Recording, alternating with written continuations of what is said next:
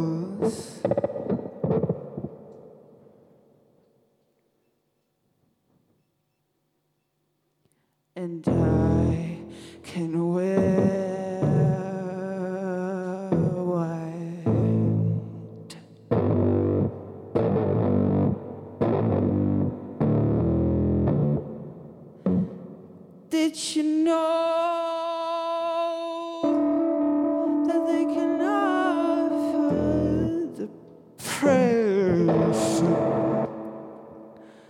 Then she could run for president.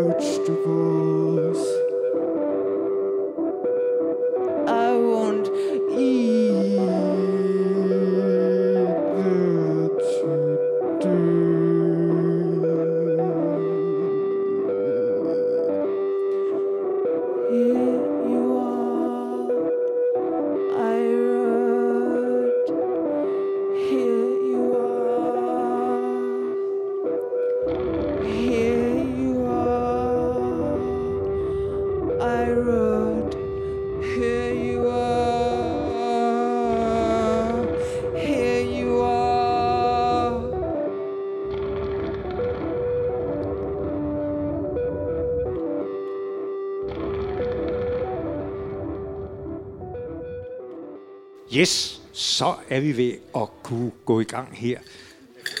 Klokken har ringet op til flere gange, og øhm, velkommen til instituttet, om det skal hedde Avantgarde Instituttet, eller det skal hedde Stigma Institut, eller hvad det skal hedde, det er for så vidt ligegyldigt. Men arrangementet her er lavet sammen med Stengade og Klub Avantgarde og Musikparlamentet og Sneum Instituttet.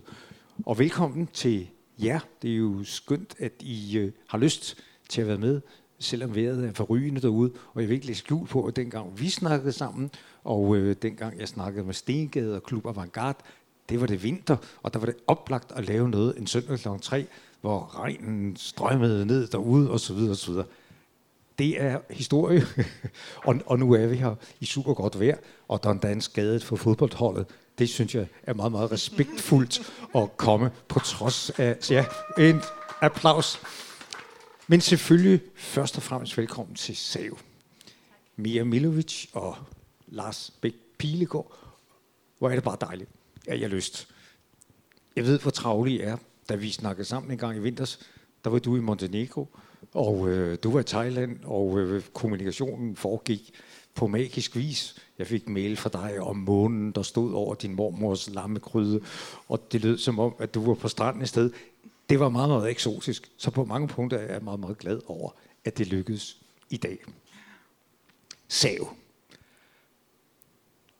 Når jeg kigger lidt på tekster om sav, også tekster, I har skrevet, så står der for eksempel et sted, at I er øh, en duo, der arbejder med øh, skabelse og kommunikation af lyd, komponeret og ikke komponeret. Det lyder mere raffineret på engelsk, sådan som jeg skrev det. Men, men det er et interessant statement. For det første står der ikke noget musik, der står noget om lyd. Og så kunne jeg tænke mig at starte vores samtale her om jeres arbejdsproces som selv med at spørge, når man laver en palet, der er så bred, Det handler om lyd, det handler om komponeret og ikke komponeret, og det handler om kommunikation, og det handler om at skabe. Hvordan tager man så en beslutning om, hvad for en vej man vil gå? For mig er det ligesom en 360 grader plus model for, man kan, hvad man kan gøre som lydkunstner eller som musiker. Så hvad gør jeg? Skal jeg starte? Øhm, jamen, jeg tror på en eller anden måde, at øhm, beslutningen nogle gange træffer sig selv, øhm, uden at lyde sådan alt for overkarikeret.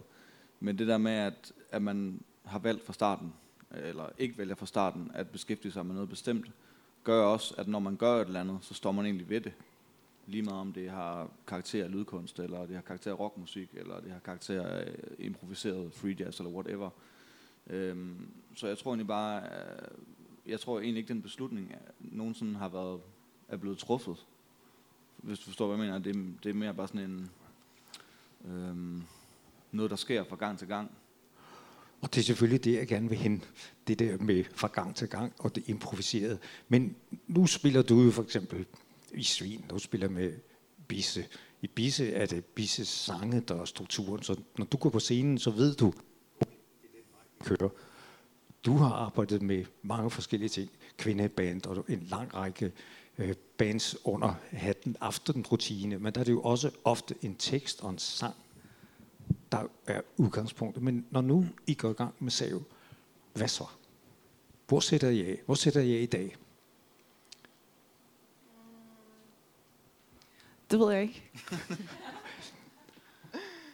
altså, mm, jeg tror, det er, også, det er jo både det, der er det enormt svære ved det, og det er enormt lette, at vi ikke ved, hvad der kommer til at ske.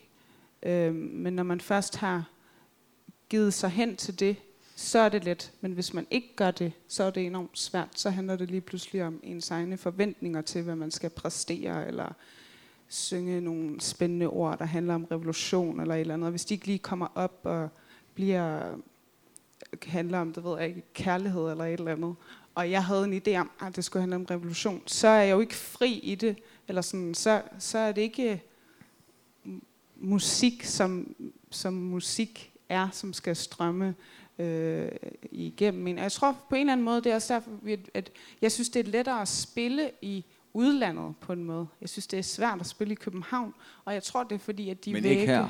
Ikke her, overhovedet ikke. Her er det ja. Det er første let. gang, jeg spiller på Stengade. Det er sygt fedt. Det er jo ikke, det er jo ikke København, det her. Altså, det er jo... Nej, men, mm, men jeg tror også, altså, hvis jeg lige må tilføje til det, du lige sagde, det der med, at når vi netop spiller med så mange andre forskellige bands, så når vi mødes, så har vi aldrig, øhm, øh, så har vi aldrig øh, låst os fast på, hvad det er, vi forventer af hinanden.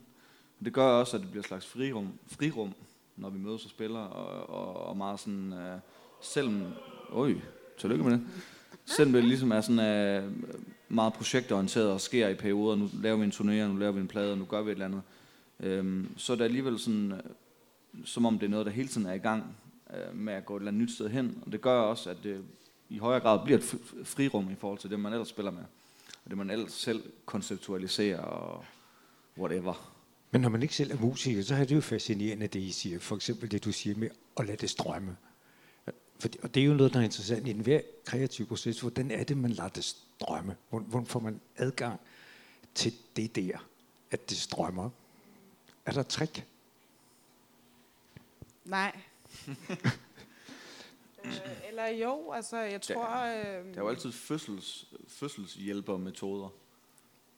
dem, dem kan jeg simpelthen ikke lade sig. Det gør du, jo, det gør du godt. Altså, for eksempel, øh, altså nu sidst vi var på Balkan, der var vi jo øh, meget optaget af det her med, at vi gerne ville lave et værk, der havde en eller anden tilknytning til, øh, til, til din bedstemors øh, hus, eller, eller andet. det er vi så ikke lavet endnu.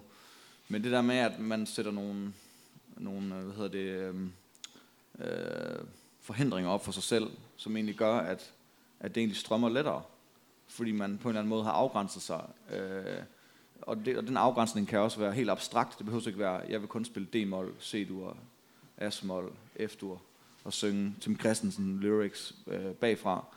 Det kan også bare være, Øh, jeg vil gerne lave et værk, der relaterer sig til øh, Montenegro. Men det er jo rigtig interessant, fordi her er der jo en arbejdsmetode. Her er jo det der med at sætte en ramme. Jeg tror også, når jeg snakker med billedkunstnere, så er der mange, der siger, vi, vi laver først rammen. Altså helt fysisk, der er en firkant, eller en rektangulær, eller en rund, eller hvad pokker nu rammen, men den er der. Og det er inden for rammen, det skal skabes. Det, der nu skal skabes. Ikke? Og det er jo lidt det samme, du siger. Så I skaber en ramme. Hvad, hvad kunne være en ramme? Du har allerede nævnt flere eksempler. Men øh, for eksempel lavede I en plade i Beograd, som hedder Conversation. Hvad, hvad satte I jer selv som ramme der? Mm, det var, at vi havde en, vi havde en dag i studiet, og så havde, vi, så havde vi ikke noget gear med, tror jeg. Jeg lånte et eller andet random keyboard, som han havde øh, Urush i hans studie, og du havde en guitar og nogle pedaler, der ikke virkede ordentligt og sådan noget. Og vi havde lige været på tur yes. der, så vi var sådan i form i forhold til i hvert fald sådan øh, im, im, improvisere tekster, så synes jeg, at jeg var i sådan i ret god form. Eller sådan, så det, det, det handler jo også om, at, at man selvfølgelig, øh, vi går også rundt og øver os hele tiden, eller sådan læser, læser nogle science fiction bøger, eller hvad, eller andet, for eller andet ind i hovedet. Eller sådan. Det er jo Det også, gør øh, jeg ikke. Undskyld. Øhm, så, så, altså, ja, så man skal jo også have noget, noget ind i, og vi har øh, spillet. Jamen, jeg tror, mange det der, det, var- det var sådan meget øh, på en eller anden måde øh, tænkt som om, at det skulle være en naturlig øh, øh, videreførelse af den tur. Ligesom det der med, at man får spillet nogle dage i træk, for det tager altid noget tid at finde ud af, hvad det er, man gør på den pågældende tur, eller på det pågældende job. Eller det er ligesom, man føler sig jo lidt frem, og øh, sådan er det jo lidt at improvisere. Øhm, så, så på en eller anden måde, det der med at, at bruge turnéen som et afsæt til at gå i studiet et sted, som, øh, hvor man ikke ved, hvad en tingene er, fordi hvis man går i studiet her i et eller andet sted i København, som man kender, så ved man også, hvordan tingene lyder, og man ved, man ved, ved hvordan det virker, og så videre, og så videre. Øh, hvorimod i det her studie her, Underground Studio i Beograd, der er det ligesom, man bliver lidt udfordret på nogle andre parametre. Øh, og det gør også, at øh, man på en eller anden måde bare arbejder med det, der er, og det man, det, man lige har taget med sig fra den tur. Og det, det, det, altså, det kan jeg enormt godt lide, fordi at det skaber egentlig nogle helt naturlige afgrænsninger, uden at jeg sådan kan pinpoint, vi gjorde det, vi gjorde det. Men mere bare, det skaber en energiflow hen mod det, som en naturlig slutning på, på den her tur.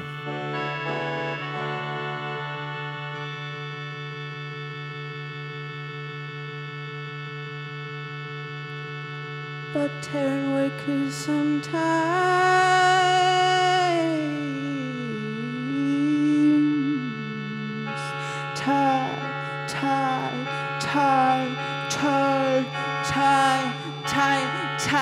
either working not to ooh tight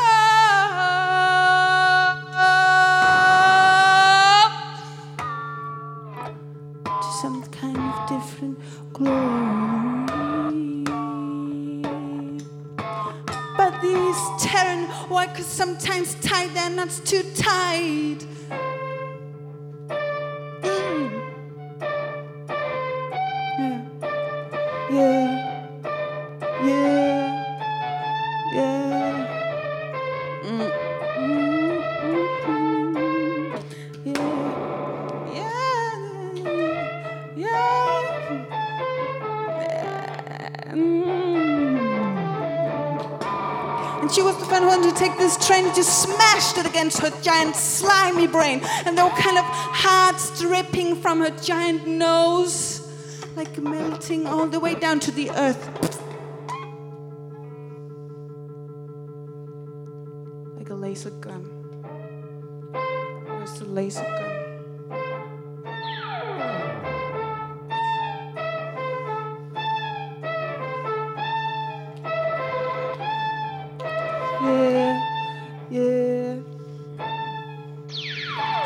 sometimes turn workers tired, their knots not too tired.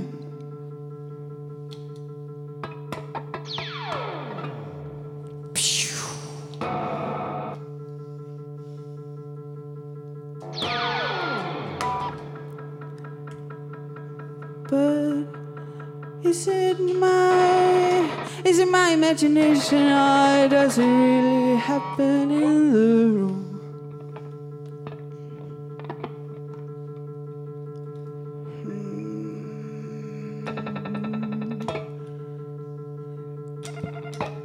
Men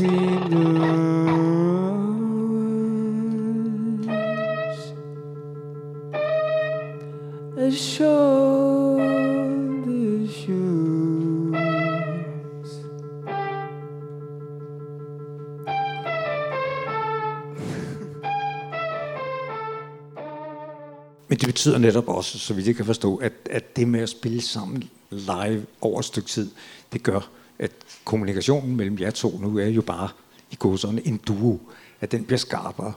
Og derfor så vil det også enklere, hvis jeg må bruge det udtryk, at, at gå i studiet og gøre noget, der så flytter videre på det, som, øh, som jeg har gjort live. Det er lidt den samme metode, du bruger i svin, er det ikke? Øhm. Jo. det ved jeg ikke helt. Jo, måske. Nej, det tror jeg ikke. Altså, det, I svin er det mere sådan... Øh, der er det på en eller anden måde mere øh, patchwork-agtigt. Mens patchworket i vores samarbejde er egentlig... Det bliver altid skabt med det samme på en eller anden måde. Det bliver bare lagt ned, og så er det sådan, det er. Hvorimod svin er det mere sådan en... mm, Lidt mere efterrationaliserende proces. Øh, så nej, egentlig ikke. Jeg vil faktisk sige, det, det, er, det er lidt noget andet. Ja, tror jeg. Men i Svin er jo flere musikere. Her er I bare jer to. Det lyder som om, at det flyder, når I er i gang. Men hvis den kreative proces hos jer handler om at udveksle tanker og inspiration, lykkes det altid? Altså, er det altid sådan, som man så ligesom er klar til at give, og man kan give noget i det improvisationsforløb, som vi nu går i gang med? Nej. Fortæl. Nej, nej, vi, vi kan godt spille nogle super dårlige koncerter. Eller sådan, så at vi, eller vi selv synes, de er dårlige. Men derfor er de ikke nødvendigvis dårlige. Det handler igen om forventningen til. Så hvis, hvis, hvis mine forventninger ikke stemmer overens i... Øh, Jamen, jeg vil også sige det på den anden måde. Nogle gange, så er det rimelig tomt i mit hoved. For eksempel sidst, da vi spillede. Ja, den, den sidste koncert var... Øh, mm, hvad skal man sige? Øh, uforløsende. Mest for os. Fordi de folk, vi talte med bagefter, havde egentlig en fornemmelse af, at det var... Nå, okay, så spillede sådan noget lidt atmospheric, og så gik I over i noget, som var lidt mere kontant, eller du ved, det var bare sådan nogle helt normale... Øh, beskrivelsen af den var egentlig sådan helt konkret på sådan en måde, som jeg overhovedet ikke kunne referere til efter. Fordi vi bare har haft fornemmelsen af, hvad laver du? Hvad laver jeg? Hvem er jeg? Hvorfor gør jeg det her? Hvem er du? Og, så, og det blev bare ved, ligesom det var sådan, der var ikke rigtig nogen, der, vi, vi følte ikke, der var nogen, der tog ansvar. Og, det, og, det, og det, det er det, der er så sindssygt spændende ved at spille improviseret musik, og gøre det med en, som man har gjort det med mange år. For vi ved jo godt, hvad vi på en eller anden måde kan forvente af hinanden. Men det er egentlig forkert. Altså, det, er noget, vi, det er noget, vi skal arbejde med. Uh, vi prøver at arbejde med, og, og lade være med at forvente os af, nå, nu synger Mia nok en, uh, en høj melodi oven på det her, som jeg laver her, fordi det har hun gjort en gang. Men når hun så ikke gør det, så bliver man bare sådan lidt, mm, hvad laver jeg? Hvad laver du? Hvorfor er jeg her? Og så videre, og så videre. Så altså, den sidste koncert der i Bryggekælderen var sådan, den var sgu rimelig dårlig. Eller i hvert fald mærkelig. Ja, den var virkelig mærkelig. Så det er godt, I ikke var til den, men I er her. Ikke vi, også? vi øvede i går. Vi øvede nemlig i går, og det kommer til at make a grand difference. Hvad var rammen så for jeres øvning i går? Altså, du nævnte jo i starten en masse øh, typer af benspænd. Det kunne være ord, det kunne være film, det kunne være billeder, det kunne være... Hvad, hvad, hvad, hvad er rammen? Hvad har I, altså, du vender tilbage til noget, Ja. ja. det jeg spurgte om før. Hvad, hvad har I tænkt skal være mm. dogmet eller rammen for den her eftermiddagssession? Jamen jeg tror, altså vi tager jo det med, som vi synes er interessant for tiden. Og for eksempel så synes jeg, at øhm, øhm, øh, øh, middelalder og, og kor er interessant. Og så sang jeg det, og så sang Lars og sådan lidt øh, kor, og så synes vi bare, det var vildt fedt. Og igen, ja, sådan, hvad ved jeg, Det kan også være sådan helt konkret øh, øh, ting, man har arbejdet med på sit instrument, eller man har fundet ud af, at man kan gøre på en eller anden måde, så man så tager ind i den her kontekst, og så bliver det til et eller andet der. Man kan jo sammenligne det med en almindelig samtale med ord, at hvis vi snakker sammen, og så fortæller du mig, hvad du lige synes er spændende for tiden, og så kan vi ligesom sådan pingpong over det. Det er jo helt det samme, Men, bare som øh, lyd. men jeg tror egentlig, altså øveren i går var også lige så meget det der med at, få, øh, at mødes inden en koncert. For det gør også et eller andet, at man Ja. lige øh, mødes, og man lige hører hinanden spille, og snakker sammen, og øh, ja. connecter. Altså det betyder også meget i forhold til, hvis vi ikke havde mødtes i går, og vi bare mødtes i dag, og sat op, og sådan, altså det, det er noget andet, det kan også noget, men, men jeg tror, det, vi havde mest lyst til lige at være sådan lidt mentalt forberedt i dag Ja. på spil. Så nu, nu skal vi selvfølgelig passe på ikke at love for meget. Men det bliver awesome. Men det her med, at I faktisk har spillet sammen nogle år, og I både har turneret, betyder det så ikke, hvis sådan et punkt opstår, som du nævnte før, hvor man pludselig ikke giver, eller hvor man ikke gider tage føretrøjen på sig, så ikke sådan, så I har en pose af lommeuld, hvis jeg skal bruge det ud, så I kan lægge ind. Altså, hvis man skal på konversationen, ikke, så har man måske tit en eller anden anekdote, man kan tage frem, og så, så kører det ind, og så kommer samtalen måske tilbage igen. Ikke? Øhm, jo. jo, der er der nogle ting, som vi ligesom ved, vi kan og ikke kan. Men jeg synes også, det er interessant, så netop hvis man tør ikke at gøre det, eller tør at lade stillheden øh, råde, eller tør at gøre noget andet, så kan der opstå øh, noget helt ny magi, som man ikke vidste var. Øhm, og der kan også opstå sådan absolut intet magi. Men øh, det, den, den risiko, synes jeg er vigtig at turde tage.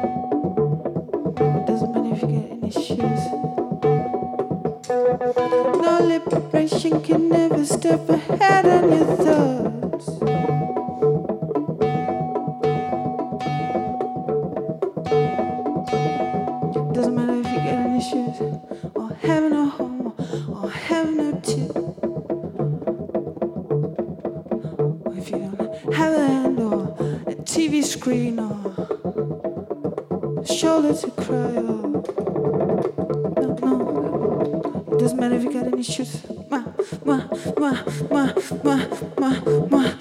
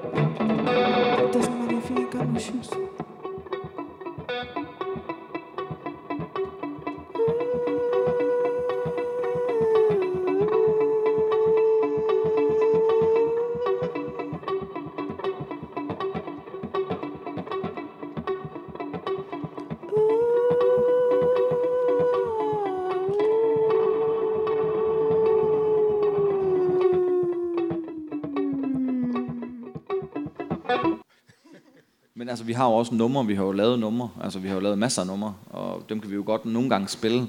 Men mange af de her numre, der er nogen, vi har spillet en eller to gange, så man, det er ikke nødvendigvis noget, jeg kan huske. Altså, jeg kan ikke nødvendigvis huske et nummer fra en plade, altså hvordan jeg spiller det, eller hvordan det egentlig lyder, fordi det egentlig allerede er sket.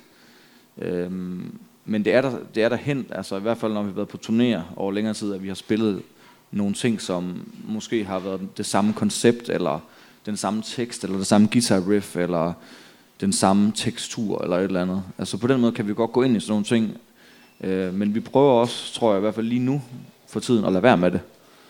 Øhm, fordi at det, det også kan blive en sovepude, at man, øh, man gør noget, man ved virker. Og hvis man gør det, så kommer man også til at arbejde inden for en ramme, som øh, på en eller anden måde er afgrænset af den forventning, man har til det materiale, og hvad det skal kunne. Og det kan man så egentlig også blive skuffet over, øh, når øh, materialet inden for den ramme, man nu engang udfører det, øh, for eksempel ændrer sig. Hvis vi nu ikke havde en lækker guitarforstærker, men den havde en lille guitarforstærker, som lød dårligt, og som ikke kunne gøre det, jeg ville have den til, så ville jeg også blive skuffet over det, jeg- fordi jeg forventede noget andet. Og så videre og så videre. Så det bliver sådan en slags øh, mindfuck at arbejde for meget med det også. Med det faste. Og det er jo ligesom et helt centralt tema i alt, hvad jeg har lavet i Save. For når du taler om numre, så, så er det ikke min fornemmelse, at I i øvelokalet sidder og tænker numre. Altså når, når, når I snakker, så handler det om, at undervejs i et liveforløb kan der opstå noget, som har nogle elementer, som så bliver til det, som I, I kalder numre. Ikke? Ja, netop. Ja.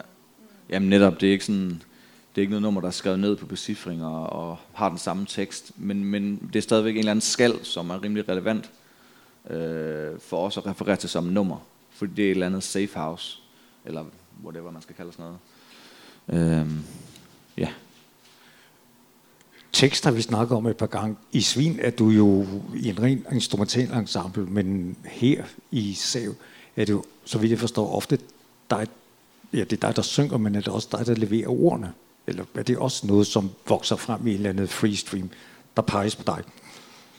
Ja, ja. Jeg, jeg, jeg synger ordene. Det gør du, mm. men er det også dig, der, der laver dem, og, og dukker de op også som en ren improviseret ting? Øh, ja, det gør de for det meste, og nogle gange så gør de ikke. Så hvis vi spiller et nummer igen, hvor de er dukket op, så, så øhm, laver jeg dem nogle gange bedre, eller hvad jeg synes er bedre, eller arbejde med, hvis vi spiller den, Play better. hvis vi spiller det igen. Øh, men ja, de, de, de dukker op. Og, og nogle gange så, så dukker de ikke op, og så dukker der sådan ord, der prøver at lime sig sammen op, som så bagefter kan være ret spændende, men i, i den der sådan øh, stream øh, kan virke meget volapykagtigt. Men skal det betyde noget? Nu, nu spørger du, fordi at dette album, som vi har nævnt, der indspillede Biograd The Conversation, der var jo faktisk nogle anmeldere, der begyndte at skrive, at nu var nu, nu, nu overdriver jeg det lidt, men de skrev noget, eller nu var Sav blevet politisk. Fordi der var faktisk nogle tekster, hvor jeg havde givet dem nogle titler, som klart kunne tolkes ind i en politisk kontekst. Ikke? Ja, men øh, der sker jo også nogle vilde ting i verden, som jeg sådan helt naturligt forholder mig til, og som jeg synes er vigtige at forholde sig til. Så det, det øh, og, men, men i forhold til lige den plade, så var det meget i titlerne, tror jeg, de anmelder øh, mener, det er en, en politisk plade, fordi at vi gav dem sådan nogle rimelig skarpe titler, øh, danske titler, blandt andet også sprog, sådan serbisk, dansk og engelsk, Øhm, ind i hinanden. Og, og, og ja, jeg, jeg tror ikke, man, man kan andet end, eller jeg kan ikke andet end, end at forholde mig til, til verden på den ene eller den anden måde. Øhm, og lade det strømme igennem mig og ud. Så med titlerne, der tænker du også, at os der lytter, skal sætte nogle tanker i gang på det. Ja, absolut. Absolut. Det mener altså, nej, nu, det var en lang association, fordi at, øh, jeg har haft fornøjelsen, dengang jeg havde et program, der hedder Snirums Garage, at lave programmer med både dig som gæster med kvindebændet, men jeg kan huske, at du var inde med Svin. Så snakkede vi lidt om det der med, hvordan en tekst har indflydelse på et øh, stykke instrument, instrumental musik. Altså, der var blandt andet en sang, der hed Fasanens Død, Mm. som, øh, ja, hvad var det så lige, man skulle tænke ved Ja. at høre det? Når, når I arbejder. Det er klart, hvis teksten er der, så giver teksten måske titlet, men den anden vej rundt forløb med lyd, øh, tekst, fri ting. Hvordan beslutter man så til sidst, at det skal hedde noget? Fordi alle de ting, I har udgivet, de har jo faktisk et navn. Der er jo ikke noget, som bare er uh, track 1, 2 og så videre, hvor mange track der nu er. Nej, altså jeg tror også, det kan jo også nogle gange, altså nogle af de ting, vi lige har lagt ud, som er sådan lidt øh, øh, overskudsoptagelser fra vores session i Beograd, og nogle liveoptagelser fra, også fra Serbien. Øh, der er det jo sådan, der tror jeg, at titlerne er egentlig øh, er sådan lidt stedspecifikke, eller du ved, der er et eller andet nummer, der er, hvad ved jeg, som måske er spillet i en eller anden by, og så er der sket et eller andet der, og så har titlen en eller anden connection til det, snarere end den har en connection til, hvad der sker i nummeret, eller, Øh, eller hvad vi har følt den dag. altså det er sådan, jeg tror det kan, eller det tror jeg, altså det er jo mest dig, der er, der står for, for titler og altså ord. Det, altså jeg plejer jo mest bare at skrige, når jeg synger. Øhm, så det, det plejer med at være mere sådan øh, øh, non-verbale udbrud.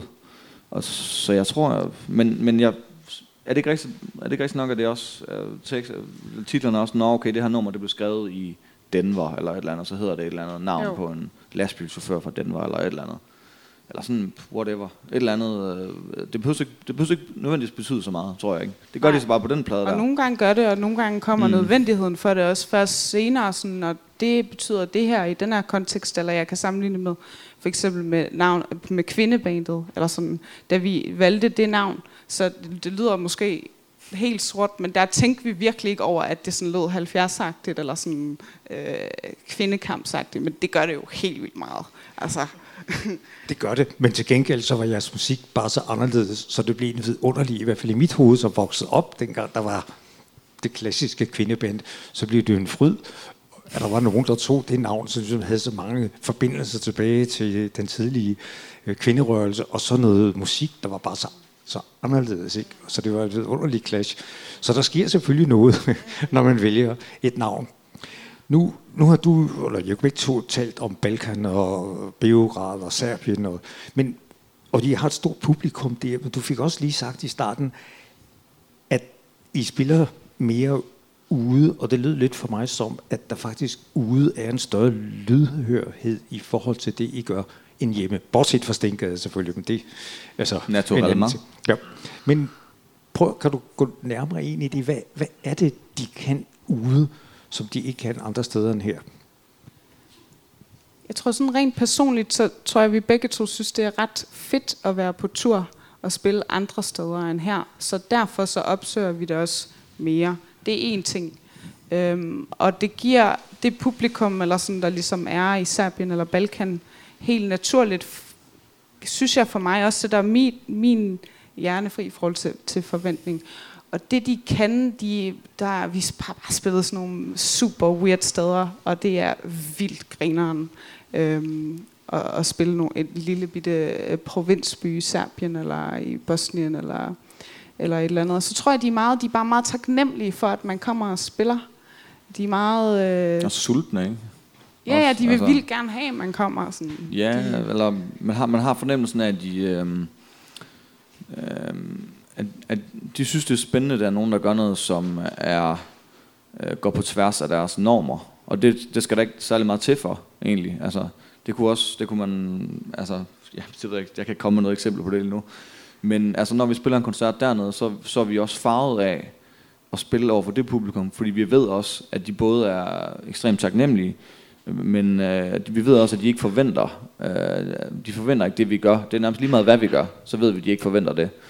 Og det giver også en eller anden øh, sådan, øh, udveksling energi, som er øh, på en eller anden måde øh, vildt inspirerende. Fordi hvis man spiller i Danmark, øh, I ved jo allerede godt, hvad vi kommer til at gøre nu, fordi vi har fortalt jer om det nu. I vidste det sikkert også før. Øh, I hvert fald i, i højere grad, tror jeg, end det, det jævne serbiske publikum. Så på en eller anden måde, så tror jeg også bare, øh, at det gør et eller andet, i hvert fald i øh, forhold til energiudvekslingen mellem bandet og publikum. Øhm, og så er det jo, så er man på en, en eller anden måde også lidt ærefrygtig over for at spille det her musik sådan et sted, fordi at deres musikalske tradition er jo ekstremt stærk. Altså overdrevet stærk, og alle har på en eller anden måde, øhm, alle kender den, og alle har et eller andet forhold til den dernede. Og det har vi ikke rigtig, altså vi har da tjekket lidt balkanmusik ud og sådan noget, man har da godt lært at klappe i øh, syv fjerde eller et eller andet, men, men det, det er ligesom det der med, at man skal også huske at have respekt for, at man er et sted, hvor den musikalske tradition er så stærk. Så det eneste, man, det eneste, jeg føler, vi kan gøre, det er faktisk at gøre noget, der er så langt fra det, som overhovedet muligt. Øh, og så i nogle tilfælde for eksempel baseret på at være så uteknisk som overhovedet muligt. Altså, Mia spiller guitar, det er jo måske et meget godt eksempel på at være uteknisk. Og det gjorde du meget på den tur. Og det, det, var, det var for mig øh, en rigtig fed kontrast i forhold til at tænke kulturen og den lokale folkemusik ind i den kontekst. Det var en længere smør.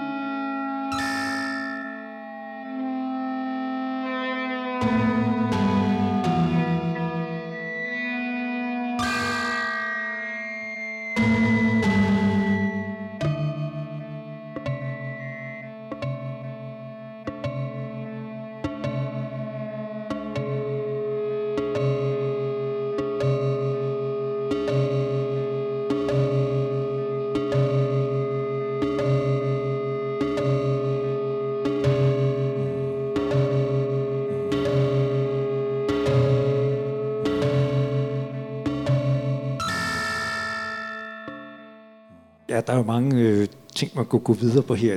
Det, øh, I snakkede om, hvad det betyder at spille i et rum og et sted. Altså, der er noget med lokalitet. Og nu fortalte Lars mig lige, inden vi gik i gang her, at du er i gang med en lydkunstinstallation i et gammelt fyrtårn over i, øh, i nærheden af Ringkøbing Fjord. Så apropos det, det med at blive inspireret af, af et sted. Nu er det så ikke Sav, men det er dig og en, og en anden kammerat. Men for nu at, at begynde at, at runde af, så vi også kan høre noget musik. I er jo begge to godt uddannet. Så, så vidt jeg husker, så... Lars er super godt uddannet. Prøv lige at fortælle, hvad det, hvad det er, du er. Jeg er maksimalt uddannet. Ja, jeg synes, når jeg læser dit CV, så ser du ikke så tosset ud heller. Nej, nej, jeg behøver ikke putte din, de lys under en skæbe her. Men da jeg havde øh, den sidste Sneum Institut her i, i vinters, der havde jeg et øh, belgisk band, Dance Dance, på besøg, og der kom vi til at snakke om det der med, med uddannelse i forhold til at lade det strømme frit og, og være kreativ. Og det pludselig viser, at der var en diskussion i bandet. Trommeslageren synes, man skulle uddanne sig. For hvis man vidste, så vidste man også mere, hvor man kunne sætte af fra. Og gruppens guitarist, som er virkelig en veluddannet mand, han var meget imod det. Han, han synes uddannelse, det, det var ikke godt. Det lød sådan lidt som øh, da jeg var ung i hippietiden, og det var den flagrende kreative sommerfugl, og den skulle man ikke røre. Hvad siger I om det? Mm, altså, jeg tror som udgangspunkt, øh, jeg tror som udgangspunkt på maksimal uddannelse, fordi jeg selv er maksimalt uddannet. Øh, nej, men altså, det det, det det jo kan, det er jo også at give en, en, øh, en ramme til at forstå øh, musik, og forstå sin omverden, og forstå sine kolleger, og øh, altså det er i hvert fald det, som der altid er er spørgsmålet i, i de her samtaler om diskussioner, ikke? eller øh, i de her diskussioner om øh, uddannelse inden for musik, det er altid det der med, at mister man det, som er x-faktoren, undskyld, jeg bruger det udtryk, men mister man det, øh, fordi jeg, jeg, har, jeg har haft elever, øh, som, har haft, øh, som ikke har ville søge ind på konservatoriet, fordi de har været bange for, at konservatoriet vil korrumpere dem, og, og tage deres specielle x-faktor væk. Og der må jeg sige, det synes jeg er noget bullshit. Fordi øh, hvis man ikke er interesseret i at udvikle sig, hvis man bare er interesseret i at konservere det, man kan, som er ens x-faktor, så er man jo ikke rigtig interesseret i at, at blive en bedre musiker, eller en bedre kunstner, eller whatever. Og det er jo grundlæggende øh, super forstokket, røvsygt, og endnu mere konventionelt. En endnu mere konventionel udtalelse, end, end at sige, hey, jeg synes det er fedt at gå på konservatoriet, og jeg og som, som det er med så mange ting, så kan man jo bare tage det, man vil have, og tage det, man kan bruge. Så jeg tror egentlig, sådan, jeg er rimelig, jeg er rimelig afklaret med det. Pro-education. Du er helt fuldstændig uenig. Nej, men jeg tror bare lige meget, hvad man gør, om det sådan er på en institution, eller, øhm, eller om man spiller musik, eller laver øh, keramik, eller laver mad, eller et eller andet, så, øhm, så, så, så må man ligesom du også siger, få det ud af det, som, som der er i verden. Eller sådan, man kan bare se et rum på så mange forskellige måder, og man kan se, man kan vende, øh, Øh, man kan kigge på så mange nye ting på den vej, man går på. Hver dag kan man lave det nyt og spændende, og hvis man kan blive ved med at gøre det i lige meget, hvad man gør, så tror jeg, at øh, man bliver god. Altså. Om det så er øh, et godt menneske, om det så er øh, i en institution eller ej. Men jeg synes, man skal passe på med de der institutioner.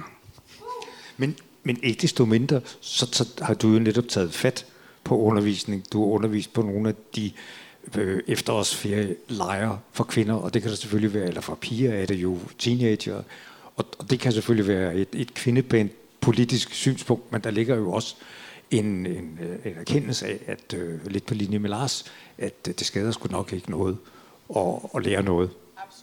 Absolut ikke. Og jeg synes, det er sindssygt vigtigt. Jeg synes, de der jazzcamp for piger er vildt vigtige. Jeg synes, det er vigtigt øh, at undervise. Øhm, øh, ja, det, det, det kan jeg enormt godt lide. Og så bare til sidst, for lige måske at starte ved begyndelsen. I mødte hinanden på Esbjerg Konservatorium. Yes. Omkring hvad? Altså, mener du år eller omkring interesse? Ja. Øhm, jamen det var jo sådan, at jeg, øh, jeg var lige på årgangen over Mia, og øh, lidt mere etableret øh, ud i konservatorieverdenen. Og så øh, ville jeg ligesom øh, på en eller anden måde sørge for, at hendes talent ikke blev forpurret af institutionens omklamrende væsen. Så derfor så øh, sørgede jeg for at lave den her due med hende. Så Sav har sine, sine rødder tilbage i Esbjerg. Og du mindes historien, som Lars fortæller den? Ja. Sådan cirka, ikke? Altså, du var, du var jo en, øh, en, øh, eller, en du er jo en god jazzsanger stadigvæk, men ja, dengang var du en virkelig god jazzsanger inde. Ja. Og, øh, og det vil jeg på en eller anden måde øh, forpure. øh, så jeg, ikke dermed, jeg vil ikke tage noget credit for noget, du ellers har gjort, men øh, det der vil jeg godt tage credit for. Ja. Ikke? Jo, jo, jo. Ja, man skal bare lige være sikker på, om det var mig, der havde fået det hele. Nej, det er fuldstændig rigtigt. Så... Du sang uh, Solitude, eller jeg sang Solitude oh, ja. til din kandidat, ja. og du fik, fik vist 12. Uff. Ja. Men du studerede jo også lydkunst og andre ting, så et eller andet sted har du jo også på den faglige side kunne sparke Ja, til Lars og, og de institutionsrammer, som du lige påtog dig et forsvar af, og som Jo, jo, jo. jo. jo inderst inde er helt enig med dig i. Men det er også det der, det er også det der mega forfriskende, så kommer Mia lige pludselig og snakker om alt muligt techno og trommemaskiner og God knows what. Og jeg kan nærmest ikke finde ud af, jeg kan sætte de her pedaler sammen, det er min, det, det er min tekniske, det er mit højdepunkt, er min tekniske formåen. Så derfor så er det også, jamen det er jo, det er jo ligesom det, der er meget sundt ved at være en duo, som spiller koncentreret, og så er man væk fra hinanden, og så mødes man og spiller igen, og så er der sket alle mulige ting i mellemtiden, som man kan lade sig inspirere af. Det er jo, øh, det er jo en gave. Og vi får lov til at være med til at pakke gaven ud her i, Lad os se. i Stengade i dag. Ja, I har jo givet forskellige øh, små øh, alarmklokker, men vi tager dem ikke øh, alvorligt lige nu Nej, nej, her. det vil jeg gøre, var jer. Så lige nu vil jeg sige stort tak til jer, fordi I havde lyst til at tage en snak, inden I spiller et sæt. Og tak til jer, fordi I kom. Det hele er blevet optaget af Musikparlamentet, og øh, der skulle gerne komme en podcast ud af vores snak. Måske nogle stumper af koncerten også, men det må I jo afgøre bagefter. Men tusind tak for nu. Vi holder en pause, og så går jeg rundt med min skolemesterklokke. Jeg har jo også mine rødder i uddannelsesverdenen, så om ikke andet skolemesterklokken. Og der er ingen sveder. Der er kun, der er kun fornøjelse. Herligt. Tak, og om et kvarter, 20 minutter, så er der koncert. Tak til dig. Tak, Jan.